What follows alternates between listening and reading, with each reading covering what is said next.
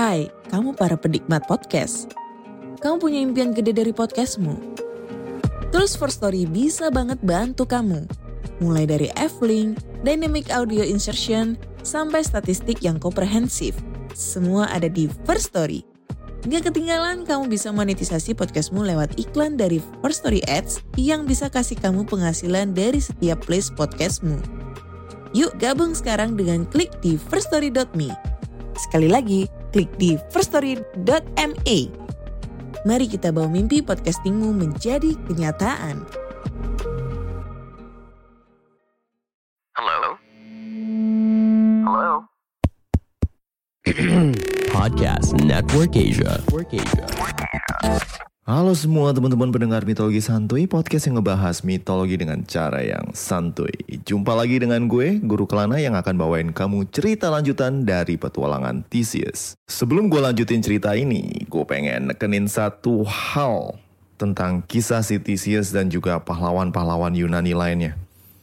Mungkin banyak dari kalian yang ngerasa agak disturb dengan perilaku para tokoh-tokoh mitologi yang gue ceritain plus bingung kok bisa cerita pahlawan eh, ini moralitasnya nih dipertanyakan ya. Mungkin lu ngerasa kayak lo kok pahlawan gitu-gitu amat sih kok bisa sampai ngelakuin hal-hal yang kayaknya nggak sesuai sama norma-norma hidup manusia pada umumnya.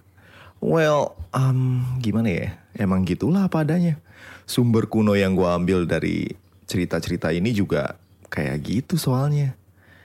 Jadi cerita Greek mitologi aslinya atau banyak cerita rakyat Eropa lainnya kebanyakan udah diperhalus dan you know biar bisa diterima sama masyarakat zaman sekarang. Contohnya cerita tentang Hercules versi Disney yang tentu aja nggak ada diceritain soal dia ngebantai anak dan istrinya sendiri. Semuanya itu happy, lalala, soundtrack Michael Bolton, and done. Semua dilakukan karena ya biar cocok aja sama masyarakat zaman sekarang. Apalagi buat anak-anak kan. Lu nggak mungkin ceritain soal bunuh-bunuhan buat anak kecil kan. Jadi gue pengen kalian maaf maaf nih sebelumnya nih ya ngertiin aja kalau di podcast ini emang sering sekali karakternya rada-rada nyeleneh atau nggak sesuai dengan norma zaman sekarang. Karena kebanyakan dari ceritanya ini gue ambil dari versi asli Jujur gue udah berusaha memperhalus tapi ya kadang memang gak bisa dihindari karena bakal mengurangi esensi cerita. Ah, kok gue jadi ngomong kepanjangan ya soal beginian ya. Anyway, let's continue the story. Yuk kita dengerin episode lanjutan dari kisah petualangan Theseus.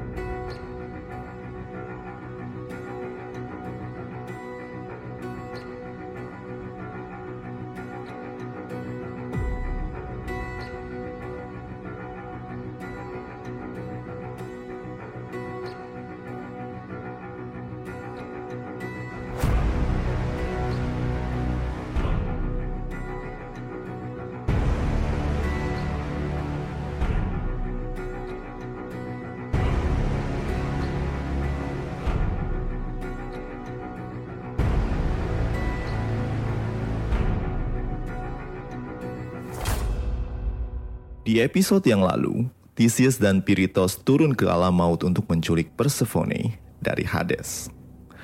Theseus yang udah dibantuin sama Piritos buat nyulik Helen sekarang mesti nemenin sohibnya turun ke alam maut demi nyulik Persephone yang bakal dinikahi sama Piritos. Duo demigod Parubaya yang lagi puber kedua ini awalnya berhasil memasuki alam maut tanpa masalah. Sampai akhirnya mereka duduk terperangkap tanpa bisa melepaskan diri. Eh, gua gua gua lagi gua lagi ngapain di sini? Eh, gua siapa ya? Ah, lu siapa? Gue? Hah? Theseus berkata kepada dirinya sendiri tanpa memahami kenapa dirinya berada dalam kegelapan alam maut yang mencekam.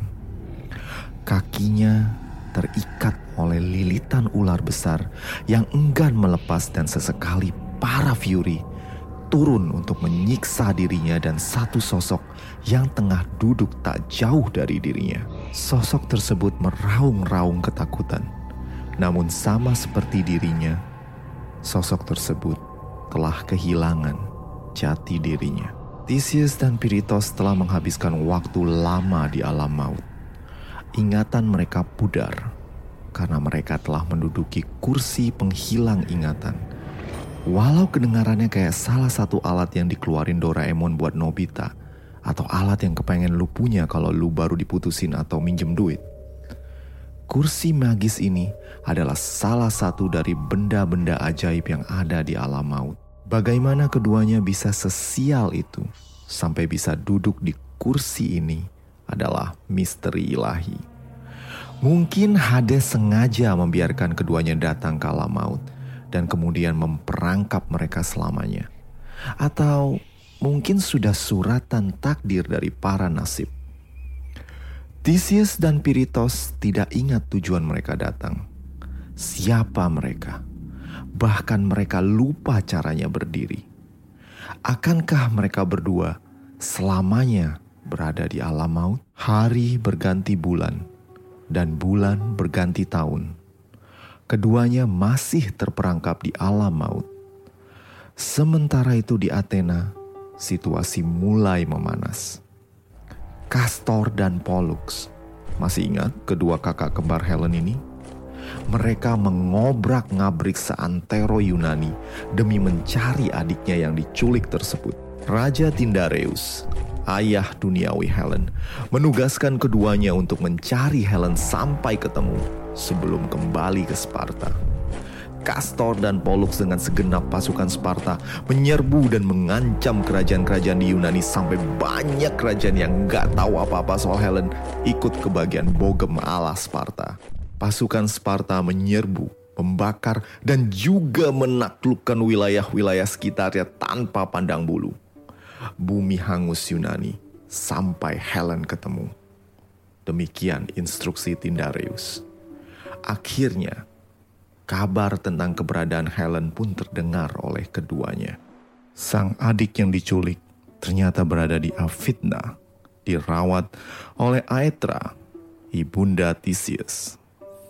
Castor dan Pollux yang mendengar keberadaan sang adik langsung memacu kuda dengan begitu kencang menuju Afidna yang letaknya tak jauh dari Athena.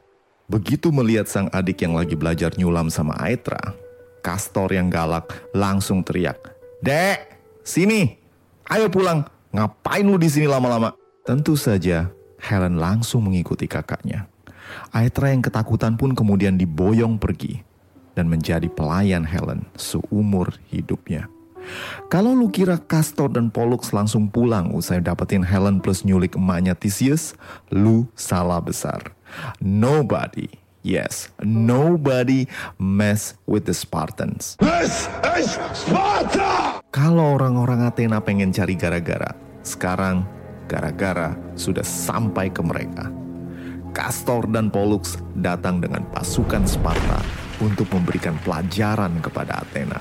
Pasukan Athena yang ditinggal oleh Theseus babak belur dihajar oleh pasukan Sparta yang dengan penuh amarah hendak membumi anguskan kota Athena. Mereka baru berhenti setelah salah satu bangsawan Athena yang bernama Menesteus mengumpulkan harta kerajaan dan menyogok para pasukan Sparta untuk pergi. Castor dan Pollux yang telah menguasai kerajaan Theseus kemudian menempatkan Menesteus sebagai raja Athena. Sang bangsawan dikenal sebagai bangsawan yang paling vokal menentang Theseus dan dirinya juga memiliki darah biru, penguasa Athena dari zaman kuno. Menesteus adalah keturunan dari Erechteus, raja pertama Athena yang konon merupakan raja yang badannya setengah ular. Cerita kelahirannya terlalu 18 tahun ke atas buat gua bahas di sini. Singkatnya, Erechteus merupakan anak dari Hephaestus sang dewa senjata, dan juga Gaia, sang dewi bumi. Sang raja terkenal bijak dan konon setelah dirinya meninggal di sambar petir. Rohnya menitis menjadi ular besar yang tinggal di kuil Athena. Dengan reputasi yang mantap ini, Menesteus kemudian menyingkirkan Theseus yang tengah berada di alam maut. Tak sulit bagi Menesteus untuk mendapatkan dukungan rakyat Athena. Theseus yang memang sudah menjadi sosok yang berbeda usai kematian Hippodamia, tidak lagi dicintai oleh rakyatnya. Rakyat Athena muak dengan ulah Theseus yang lebih peduli dengan urusan keagungan diri dan petualangannya. Belum lagi kematian Hippolytus yang dicintai oleh para rakyat Athena. Para penduduk yang mendengar selentingan gosip tentang skandal Phaedra pun semakin membenci Theseus yang dituduh mereka sebagai biang kerok kematian Hippolytus. Dan ulahnya menculik Helen yang kemudian mendatangkan rombongan pasukan bapak-bapak keras berurat Sparta ke Athena. Ah, hal ini membuat mereka tak lagi menganggap Theseus sebagai raja mereka. Go to hell you Theseus you jerk. Demikianlah suasana Athena sepeninggal Theseus kala maut. Lantas, apakah ini akhir cerita dari Theseus? Oh no, belum. Tampaknya para dewi nasib belum selesai dengan Theseus putra Poseidon ini. Theseus dan Piritos yang terperangkap di alam maut masih terikat dan duduk di kursi penghilang ingatan. Pengharapan dan juga keselamatan sudah jauh dari harapan mereka. Setidaknya, itu yang mereka pikir. Di luar pengetahuan mereka, satu sosok manusia setengah dewa juga tengah berkelana di gelapnya alam maut. Sosok ini berbadan kekar, bersenjata gada, dan juga bermantel singa. Sebuah busur besar tergantung di punggungnya, beserta tempat anak-anak panah yang berbau busuk. Jika kalian sampai gue jelasin rinci begini pun gak tahu ini siapa, lu bener-bener ketahuan dah. Beneran? Lu gak tahu? Baiklah, sosok ini adalah Hercules, putra Zeus sekaligus pahlawan paling kuat dalam mitologi Yunani. Nah, kenapa Hercules bisa ada di sini? Well, Hercules sedang dalam perjalanannya untuk menyelesaikan tugas terakhirnya dari Raja Orestes, sepupunya. Gue nggak akan jelasin secara detail tentang kenapa Hercules bisa dapat tugas dan juga kenapa dia mesti kalah maut. Karena gue udah pernah ceritain ini sebelumnya di seri petualangan Hercules. Buat kalian yang belum dengerin, silahkan mampir ke episode-episode tersebut. Yang jelas, kali ini timeline petualangan Hercules dan Theseus bertemu. Kedua saudara sepupu ini bertemu secara kebetulan Hercules dalam perjalanan menemui Hades untuk meminjam Cerberus, dan Theseus kebetulan duduk di kursi penghilang ingatan dan terperangkap selama bertahun-tahun. Hercules mendapati sepupunya Theseus duduk dengan muka yang mirip gue di tanggal tua, sedih, muram, dan tatapannya kosong. Mengenali Theseus, Hercules pun kemudian menepuk sang sepupu. Oi, Theseus, Theseus, bangun oi. Ngapain lu di sini? Theseus menoleh dan bukannya mengenali Hercules, sang raja Athena tersebut malah ketakutan dan berteriak-teriak histeris. Hercules makin bingung dan heran melihat sepupunya Sawan, kemudian menampar Theseus. Woi, sadar woi. Ditanyain malah jerit-jerit kayak mau ditagi utang aja. Theseus kembali diam, tapi pandangannya tetap kosong. Hercules mulai menyadari ada yang tidak beres dengan sepupunya. Matanya yang tajam melihat ada sosok lain di sebelah Theseus yang juga sama nasibnya dengan Theseus. Hercules melihat ular besar melilit tubuh Theseus dan dengan mudah Hercules membunuh ular tersebut. Ya iyalah, udah dari orok Hercules melinterin ular kan? Tindakan Hercules melepaskan Theseus dari belitan ular tersebut menyadarkan Theseus. Perlahan, Theseus mulai mendapatkan kembali ingatannya. Eh, bro, lagi ngapain di sini mas bro? Tanyanya sambil kebingungan. Lalu ngapain di sini? Gue sih lagi kepengen ketemu Hades. Biasa ada tugas yang gak-gak aja nih. Mau minjem Cerberus gue sekarang. Lu ngapain? Uh, gua, gua lupa bro. Hah? Gimana caranya lu lupa? Ini alam maut bro, bukan bar atau kafe. Lu kebanyakan minum ya? Bangun, bangun, bangun. Hah? Bangun. Caranya gimana bro? Theseus tampak masih bingung walaupun telah mengenal Hercules. Efek kursi penghilang ingatan masih membelit memorinya. Hercules yang kagak sabaran kemudian mengangkat Theseus dari kursi tersebut. Karena telah lama tidak berdiri, Hercules terjatuh dan tersungkur. Namun tatapannya tak lagi kosong dan segala peristiwa yang ia alami mulai kembali keingatannya. Theseus menjelaskan kepada Hercules tentang misinya ke alam maut untuk penculik Persephone. Mendengar cerita Theseus, Hercules langsung geleng-geleng kepala dan berkata, Beuh, hebat, hebat, tapi bego. Gua aja susah payah ke sini bro, kalau kagak kepaksa gua nggak bakalan mampir ke sini. Lu berdua malah kurang kerjaan, mau nyulik Persephone segala. Goblok, lu mendingan pulang sekarang dah sebelum Hades datang. Theseus yang sedari awal emang enggan kalah maut pun setuju dengan saran Hercules. Namun jiwanya yang setia kawan tak sanggup meninggalkan Piritos di alam baka. Theseus pun kemudian meminta Hercules melepaskan Piritos dari kursi penghilang ingatan. Hercules yang perkasa kemudian melepaskan Piritos yang juga dibelit oleh ular. Ular raksasa yang membelit tubuh Piritos dengan mudah dibantai oleh Hercules, namun tiba-tiba terjadi gempa bumi dan suara gemuruh. Datang meruntuhkan bagian kursi yang diduduki oleh Piritos. Hercules berusaha menggapai Piritos, namun gempa tersebut semakin hebat. Sebuah celah terbuka di bawah Piritos dan menelan sang Raja Lapida. Usai menelan Piritos, celah tersebut tertutup. Dan itulah terakhir kali Hercules dan Theseus melihat Piritos. Piritos si Raja Lapida penakluk Sentor telah menjadi penghuni Hades karena gairah konyolnya. Entah apa yang telah menunggunya di dasar Tartarus.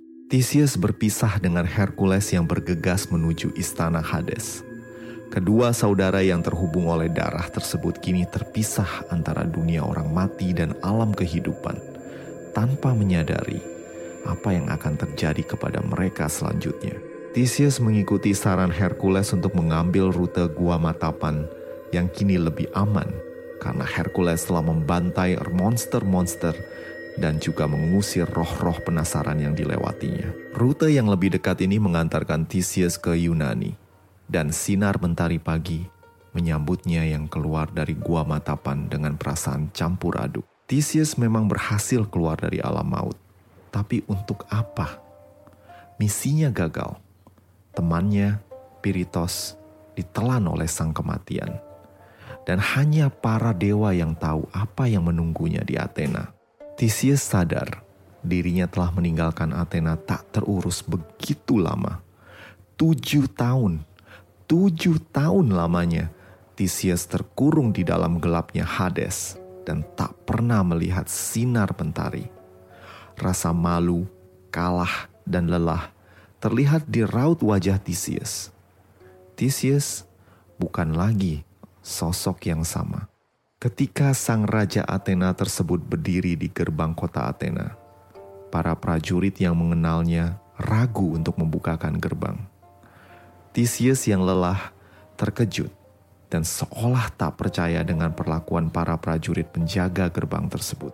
Prajurit, aku Theseus, putra Aegeus, Raja Athena. Buka gerbang ini, sambut rajamu. Perintah Theseus tidak membuahkan hasil.